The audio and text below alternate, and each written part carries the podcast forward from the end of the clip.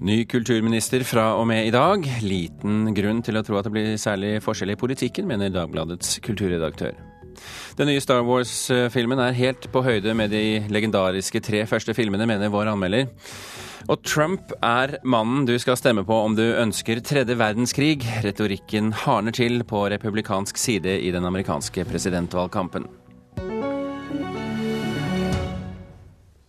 Og i natt eh, var det årets siste TV-debatt eh, på republikansk eh, side i USA, og det gikk ganske vilt for seg, som du for så vidt kunne høre litt nå rett før Kulturnytt gikk på lufta. Du skal få analysen av forestillingen litt senere her i denne sendingen.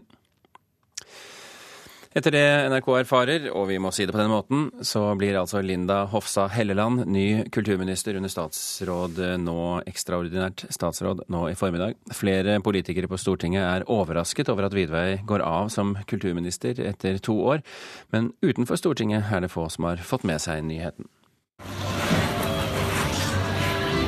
Skøytene skraper i isen utenfor Stortinget i Oslo.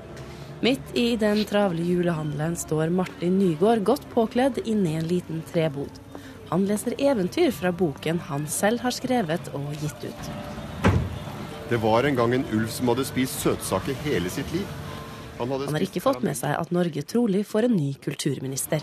Nei, det vet jeg ikke. Etter det NRK og andre medier erfarer, er det Linda Hofstad Helleland fra Klæbu i Sør-Trøndelag som overtar Kulturdepartementet etter Toril Vidvei.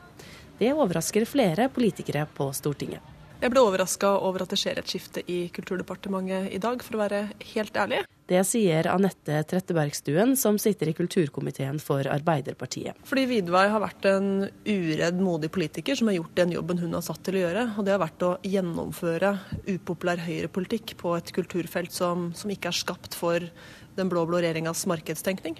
Eh, men Linda har jo kjent lenge, og er, hun er en tydelig og uredd politiker, så det skal bli spennende.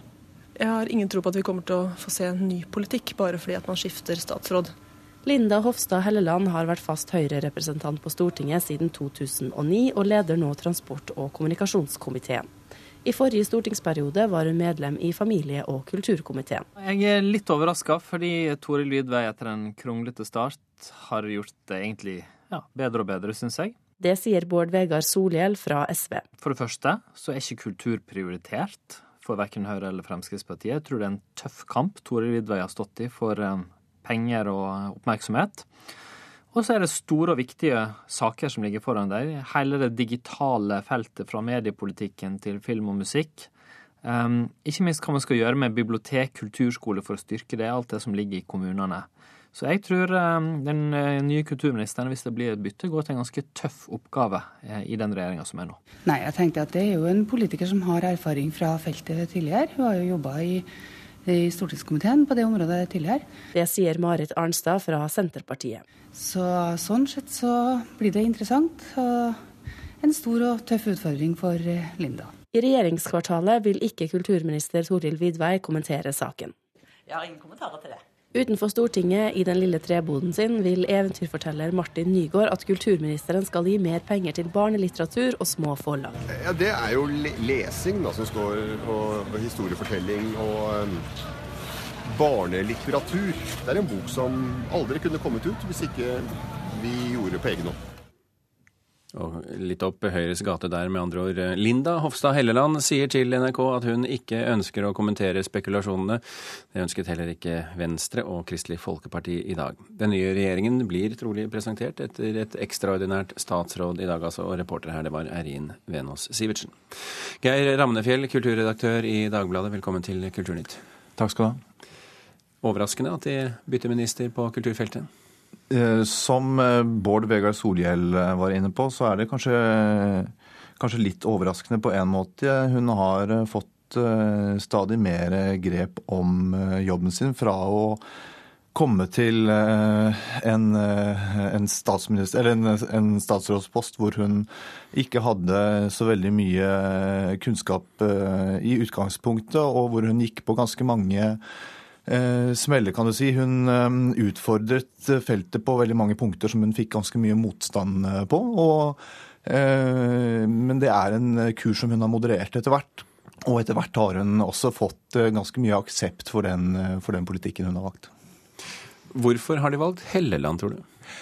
Det er vel antageligvis et først og fremst behov for foryngelse av, av Høyres statsrådskabal. Vidvei er jo en politiker som på en måte kom inn litt som en senior da hun ble utnevnt som, som kulturminister. Og det at de har behov for foryngelse nå, det er vel ikke så veldig overraskende. Bruker regjeringen kulturministerposten som en sånn slags eh, skolebenk? Ja, det, det, er godt mulig at de gjør det. De, de er jo i så fall ikke alene om å, å, gjøre det. Og man kan jo stille spørsmålstegn ved, ved om det er eh, heldig for kulturlivet eller ikke. Eh, Sara Sørheim i Aftenposten i går eh, var jo inne på, på det poenget at uh, Så kulturredaktøren i Aftenposten? Ja, uh, hun var inne på det poenget om at det kanskje ikke var heldig for kulturlivet at vi hadde en tradisjon med, med svake kulturministre. Men eh, på den annen side så eh, så ønsker jo ofte kulturfeltet heller en sterk realpolitiker enn en, eh, hva skal man si, profiler fra kulturlivet. Og der kan man jo se at Helleland regnes vel som en Eh, som et politisk talent i Høyre. Og hun satt jo tross alt eh, noen år i eh, familie- og kulturkomiteen på det, Stortinget? Det gjorde hun også, så hun har jo kjennskap til feltet, faktisk mer kjennskap til feltet enn det Widvey hadde i utgangspunktet. Utredningsministeren kaller Aftenposten Vidvei i dag. Kommer Helland til å få mange tunge oppgaver i fanget etter hvert som rapportene strømmer inn? Det er jo flere uavklarte saker hun Eh, filmpolitikken har man så vidt begynt å jobbe med. Man, skal ha en helt, eh, man har varslet en hel omlegging av måten man eh, fordeler eh, støtte på. Eh, det er uavklart. Eh, man har satt i gang utredning av mediepolitikken. Det er også uavklart. Det er et kjempestort felt. Og veldig vanskelig felt. Og veldig vanskelig felt. Nasjonalgalleriet er uavklart hva man skal gjøre med.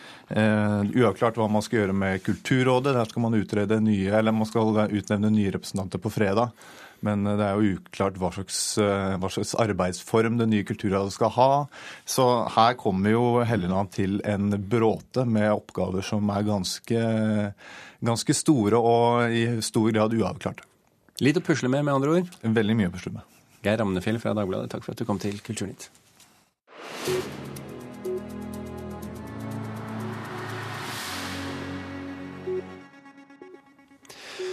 EU skal i morgen stemme over et forslag om å heve aldersgrensen for sosiale medier. Den nye loven vil frata ungdommer under 16 år mulighet til å sette opp sosiale medier og e-postkontoer hvis ikke de får foreldrenes godkjennelse. Den nåværende aldersgrensen er 13 år. Seniorforsker Petter Bae Brandtzæg ved Sintef er sterkt kritisk til forslaget. Han sier til NRK at et slikt system vil gjøre det enklere for foreldre å kontrollere hva barna deres gjør, noe som vil kunne være en klar krenkelse av barnets privatliv. Han mener også at den mulige loven vil bli veldig vanskelig å både definere og håndheve. Og pressekontakt Alexandra Eklenkamp i EU bekrefter for NRK at forslaget er oppe til diskusjon, men at de ikke vil kommentere noe før loven eventuelt går igjennom. Og hvis du er nysgjerrig på dette feltet, så kan du lese mer om denne saken på nrk.no. Etter hva NRK erfarer, vil Skipsted Norge i dag varsle at de omorganiserer og slår sammen funksjoner i de fire avisene Aftenposten, Bergens Tidende, Stavanger Aftenblad og Federlandsvennen. Fagbladet Journalisten har tidligere meldt at det ligger an til en sammenslåing av administrative og kommersielle funksjoner samt støttetjenester i de fire mediehusene. Redaksjonene vil trolig fortsette som før i egne mediehus, og de ansatte i avisene vil bli informert på allmøte klokken ni i dag. Så følg med på NRK Alltid nyheter utover dagen. Fem minutter på hver time, så får du kulturnyheter helt frem til klokken 17.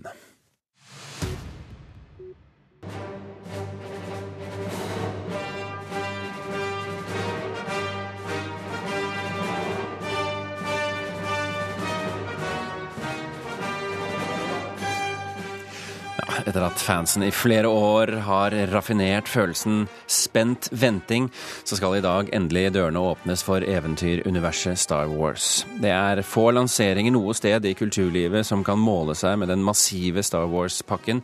Og Espen Alnes, hvordan materialiserer dette seg utenfor Colosseum kino i Oslo? Du, her har de rulla ut den svarte løperen. Eh, inne ser jeg det er pynta med koselige små eh, figurer fra Star Wars-universet. Eh, ene sida til Når du går inn på venstre side, så er det the light side. og Velger du å gå inn på høyre side, så er det the dark side. Og midt ute på plassen her, så har det landa en ja, jeg vet ikke høre, men det er i hvert fall en Tie Fighter som har krasjlanda midt ute på plassen her. Så, eh, og etter hvert så blir vel faklene tent. Og ja, det skal nok bli eh, god stemning her utover. Og en Tie Fighter, det er vel altså, et, for, de som ikke vet det, et romskip av noe slag? Ja. ja. det er en svær sak. Så, Noe, noen sitter inni og skyter på ting? Ja. Da står jeg her med Even Ellingsen og Therese Lundgren, som da skal ut og trupe i dag. Eh, hva er det? Altså, Trupe er det vi kaller når vi skal ut på en event sånn som nå, hvor vi skal kle oss opp i våre drakter, i våre karakterer, og stille oss ut når folk kommer før film. Eh, men dette er jo da plastdrakter. Det er veldig kaldt eh, nå. Hvordan, hvordan vil det være å, å, gå rundt i de draktene i dag? Nei, Det er vel rett OK. Min er vel lite varmere enn Evens. for jeg har litt tjukkere undersut enn hva han har. Da, så. Annars er det mye understell. Ja, Gleder du deg? Jeg gleder meg veldig. Dette har vi venta på helt siden vi hørte at eh, episode 7 skulle komme. Så det har jo vært en god stund nå, og nå føler jeg virkelig at nervene er liksom kommet på utsida av huden nå. Så det, det, er liksom bare, nå er det bare like før. og det, så det skal bli utrolig gøy å se om de har klart å dra universet videre. Ja, Hva forventninger er dere har til denne sjuende filmen? Nei, bedre enn de tre første. Altså, jeg har veldig store forventninger. Jeg synes at jeg var litt skeptisk når Disney hadde kjøpt opp eh, Lucasfilm, men jeg, veldig, veldig, altså, jeg, vet jo hva de har gjort med andre filmserier. og Når JJ Abrahams altså står bak roret på filmen, så føler jeg meg relativt sikker på at det her blir veldig bra. Ja, hva, hva er det med Star Wars som fascinerer deg? For min del så er det jo en kombinasjon av eh, rett og slett godt gammeldags eventyr kombinert med litt sci-fi og litt eh, eh, fantasy og sånt. Og så er det jo karakterene. For meg er det karakterene som måtte drive mye. Og det er kampen, selvfølgelig god gamle kampen mellom gode og onde. Det er jo veldig mange som hevder at, eller som har et inntrykk kanskje da, av at Star Wars er en sånn gutteting. Hva tenker du om det? Nei, det er det ikke. Vi har ganske mange jenter som er med. og min dotter på fem år hun er jätteintresserad av Star Wars og tycker det er jättegøy. Så det er for tjejer også. Og Nå har jo Disney også valgt å eh, sette inn flere kvinnelige roller i, også i denne filmen, etter at det var eh, mange som etterspurte det. Så eh, vi får nok tro at enda flere da, jenter og kvinner også vil følge med her. Takk skal du ha, Espen Alnes, på plass utenfor Colosseum kino i Oslo, der eventyret her i Norge starter eh, litt etterpå i dag. Birger Vestmo, filmkritiker her i NRK. La oss gå rett til konklusjonen din med en gang, for dere triller jo terningkast i Filmpolitiet på P3. Hvor mange øyne hadde din Star Wars-terning? Ja, den har faktisk seks øyne, så her tror jeg Star Wars-fansen har litt av et eventyr i vente. Jeg mener at eh, Star Wars The Force Awakens er en spektakulær, frisk start på en ny trilogi som setter disse prequel-filmene fra 1999 til 2005 i skammekroken, altså episode 1, 2 og 3. Men jeg, eh, jeg syns den står skulder til skulder med de originale filmene fra 1977 til 1983. Hva er det som gjør uh, filmen så bra i dine øyne? Altså Først og fremst har regissør JJ Abrams eh, tilnærma seg de originale filmenes eh, uttrykk, eh, men selvfølgelig da i en hypermoderne drakt med det nyeste og siste man har av spesialeffekter. Eh, og så har man innført nye, spennende figurer i det her universet. Eh, spesielt da Ray, spilt av Daisy Ridley, og Finn, spilt av John Boyega. Eh, også i en viss grad Poe Dameron, spilt av Oscar Isaac. Og dette er figurer som jeg tror er i stand til å føre dette eventyret videre, ved hjelp av noen gamle kjente, selvfølgelig. Og det blir en høydramatisk science fiction-film med masse følelser og eksplosiv action, selvfølgelig. Ja, er det arven etter den legendariske filmskurken Darth Vader vi får i denne filmen? Ja, nå vil ikke jeg avsløre noe om hva Star Wars The Force Awakens har nesten ikke sagt noen ting, du. Nei, det er litt av moroa å oppdage filmen sjøl i kinosalen. Så her skal ikke jeg si så veldig mye om hva som foregår og hvilke linjer som trekkes videre her. Det får man oppdage på egen hånd. Men, apropos oppdage, Birger. Altså, det er kanskje vanskelig for deg å sette deg inn i det for en, altså sette deg inn i hodet til en som aldri har sett noe Star Wars. Men kan man ha glede av denne filmen hvis man ikke har sett de første seks? Ja, altså det er jo en fordel å ha sett de første seks filmene, spesielt episode fire, fem og seks. Altså eh, de tre første? Ja. Eh, litt forvirrende for uinnvidde her, kanskje. Men eh, jeg syns Star Wars The Force Awakens gjør en god jobb med å føre oss inn i denne historien, sjøl om man ikke har et forhold til den fra før. Så det er ikke nødvendig med forutgående kunnskap, men klart det blir en helt annen opplevelse hvis man kjenner dette universet fra tidligere av. Det var jo mange Star Wars-fans som fikk kaffen i halsen da de hørte at JJ Abrams skulle, skulle regissere, altså det, selve uh, mannen bak relansering av Star Trek, som er jo et annet univers, også, hvor det er litt fiendskap. Hvordan har han klart seg som regissør?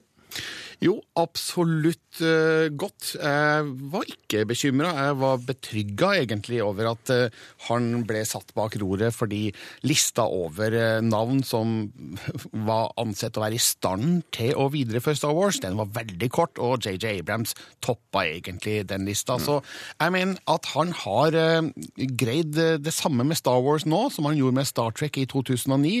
Han har modernisert hele universet, fører det videre videre inn, og her ligger det an til spennende utvikling etter hvert. Takk skal du ha, Birger Vestmo. Vi kan jo bare si til våre lyttere at eh, du kommer tilbake i eh, båndlagt form litt senere i sendingen for å snakke om den nye Flåklypa-filmen. Takk til deg i eh, denne omgang. Klokken er blitt eh, over 20 minutter over åtte. Du hører på Kulturnytt, og dette er toppsakene i Nyhetsmorgen nå. Det er forskjellsbehandling av personer med kronisk utmattelsessyndrom hos Nav. Det kan gjøre pasienten sykere, mener overlege. Folk som ofte har hodepine, har mer enn dobbelt så stor risiko for å utvikle demens, ifølge en eh, ny internasjonal studie gjengitt i VG i dag. Men hodepine øker ikke risikoen for å få Alzheimer. Og lederne for de rivaliserende regjeringene i Libya er enige om at de ikke vil gå inn for et FN-støttet forslag om maktdeling. Ingen av dem kan akseptere den FN-avtalen om å etablere en samlingsregjering for å gjøre det slutt på borgerkrigen.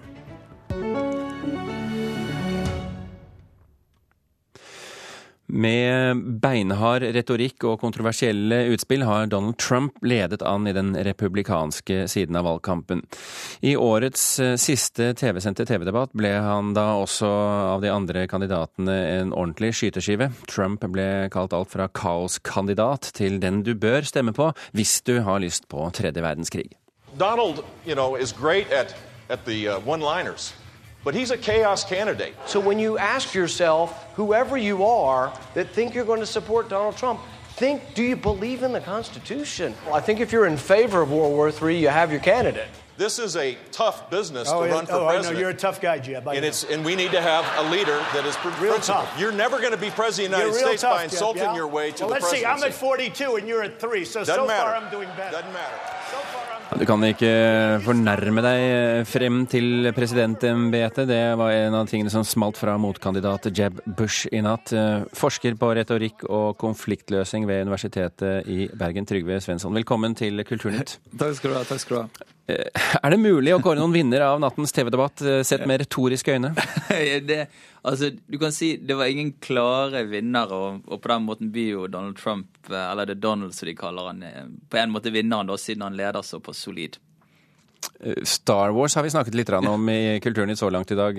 Var det noe som slo deg også under nattens TV-debatt? Ja, det tenkte jeg på. Det er en glimrende analogi. fordi at denne kampen mellom det onde og det gode, mellom mørket og lyset, det som vi liksom i fagfeltet vårt kaller manikeisk retorikk det er jo evig tilstedeværende i amerikansk politikk. Og det, det, det, er der mange av kandidatene strukturerer argumentene sine. Og sånne, sånne, sånne, Det så vi mange eksempler på. Mm, ja, og manikeismen, en, en gammel filosofi fra Ja, det var en gammel ørkensekt som ja. trodde på kampene, som mente at, eh, at Det todelte universet, rett og slett. Ja, rett og slett. Og selv om de er forsvunnet, så er ikke selve den måten å strukturere virkeligheten på forsvunnet. da.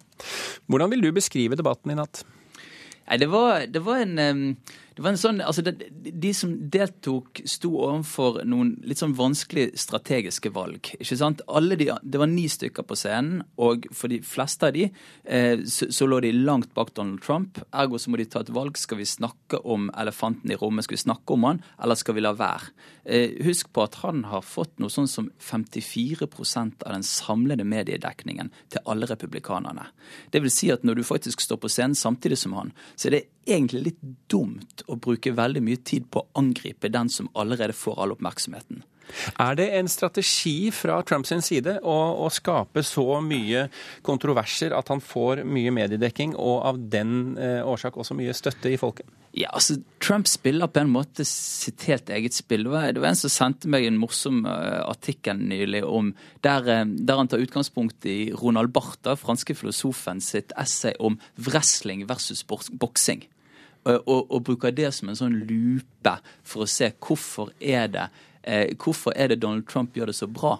Jo, det er fordi wrestling og boksing er to helt forskjellige sporter. I boksing vet du på en måte ikke hvem som blir vinneren. Det går an å vedde i en boksekamp. Men wrestling det er jo det er bare et spetakkel, ikke sant? der 90 er skuespill. Og sånn litt av Donald Trump, som for øvrig har jo en lang karriere i wrestling og eh, skjønnhetskonkurranser og alt mulig annet bak seg. Det er litt av inngangen hans ja, til politikk. Da snakker vi altså om eh, organisasjonssiden, og ikke på scenen. ja, ja, ja, men han jo, har jo vært medeier i wrestling, han eier Miss Universe. Mm. Ikke sant? Han har denne, altså han har denne dype erfaringen med, det moderne medie, eh, med den moderne medievirkeligheten. Samtidig så vet jo alle at hvis du setter en toppbokser og en toppwrestler i ringen sammen, så er jo wrestleren sjanseløs. Ja, og er ikke det egentlig et tankekors, når det vi ser er altså en debatt mellom det som kan bli verdens mektigste mann, eh, og så er det en som har den inngangen til politikken som leder med over 40 dette er jo årets siste TV-sendte debatt, eh, men primærvalget fortsetter jo neste år. Hvordan vil den republikanske retorikken, og da kanskje særlig Trumps, da, utvikle seg fremover, tror, tror, du? Det kan jo kanskje ikke fortsette sånn som nå? Ja, altså, det er jo det. Han På et eller annet tidspunkt så må Trump ta et valg. Eh, og det er jo altså det er den dynamikken som pleier å være i disse valgkampene. Der i primærvalgene så må du snakke til basen, altså så er folk mer ekstreme. Eh, og så etter hvert, eh, hvis man forstår at ok, det er faktisk en viss sjanse for å bli valgt, så må man bli mer mainstream. Mm. Og det blir jo ekstremt interessant å se hvordan Trump nærmer seg den dynamikken. For det, så langt så har jo han kun overgått seg sjøl, og det har vært måten han har holdt oppmerksomheten. 2016 blir et uh, morsomt år for alle retorikkinteresserte, inkludert deg, Trygve Svensson fra Universitetet i Bergen. Takk for at du var med oss i Kulturnytt.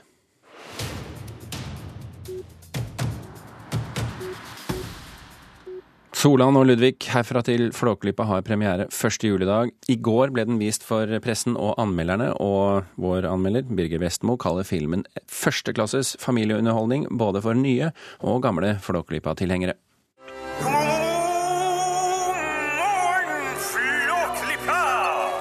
Gjensynet med Solan, Ludvig, Reodor og de andre frodige figurene i Flåklypa er på all måter hjertelig.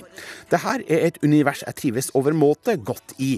Solan og Ludvig herfra til Flåklypa bygger videre på elementene fra Jul i Flåklypa fra 2013, og regissør Rasmus A. Sivertsen innfører noen nye figurer fra Kjell Aukrusts rikholdige univers med stort hell. Det vil si, hell har nok ingenting med filmens kvaliteter å gjøre. Solan og Ludvig herfra til Flåklypa er rett og slett dyktig laga, både med hjerte og hjerne. Slire er best. Nei, Flåklypa! Jeg utfordrer deg til et nytt osteløp. Denne gangen inngår Solan et veddemål med meieribestyrer Olvar O. Kleppvold fra nabobygda Slidre, som Flåklypa har et konkurranseforhold til. De gjenoppliver det gamle osteløpet for å finne ut en gang for all hvem som er best. Solan, Ludvig og Reodor må frakte en ost fra Slidre til Flåklypa, gjennom skog, kratt og over fjell. Men Kleppvold har med seg den tørrvittige bergenseren Olramslåpen og selveste Emanuel Desperados på laget. Og i all hemmelighet har Solan satsa hus og hjem på seieren. Skal jamne bare hus og verstand med jorden, foruten oppfinnelsene hans, Reodor. Hjelp! Har ikke Flåklypa noe å stille opp med. Akkurat som i den forrige filmen har Herfra til Flåklypa den samme typen lune humor som Kjell Aukrust ble så kjent og kjær for. Manusforfatter Karsten Fullu har igjen truffet blink med både dialogen og hovedtrekkene i historien. Man gjenkjenner den absurde konkurransen mellom nabokommunene som er utgangspunktet for hele historien. Man trekker på smilebåndet over alle detaljene i både språk og uttrykk, og figurene har et særnorsk preg over seg som vi ikke ser mange av på kino. Desto mer velkomment er det å møte dem her. Slidre setter inn Emanuel Desperados. Den eneste personen i verden som noensinne har slått ut på Richters skala. Det er bare to år siden forrige Flåklypa-film gikk på kino, men jeg håper publikum tåler en til. Det her er nemlig førsteklasses familieunderholdning, både for gamle Flåklypa-fans og nye tilhengere. Som i den forrige kan voksne kose seg med en god dose nostalgi, mens de unge blir underholdt i et akkurat passende tempo. Hadde her vært en amerikansk animasjonsfilm, ville farten sannsynligvis vært skrudd opp mange hakk. Her rekker både figurer og handling sette seg skikkelig, og tar seg til og med noen brukbare pustepauser underveis, uten at det på noen måter er rom for kjedsomhet. Solan og Ludvig herfra til Flåklypa kommer til å bli en ny suksess, og det vil være fullt fortjent. Klare? Jeg er så klar som jeg aldri har vært. Jeg har aldri vært så lite klar. Filmen har altså premiere første juledag, og med det er Kulturnytt slutt. Gjermund Jappé og Birger Kolsrud Aasund takker for følget.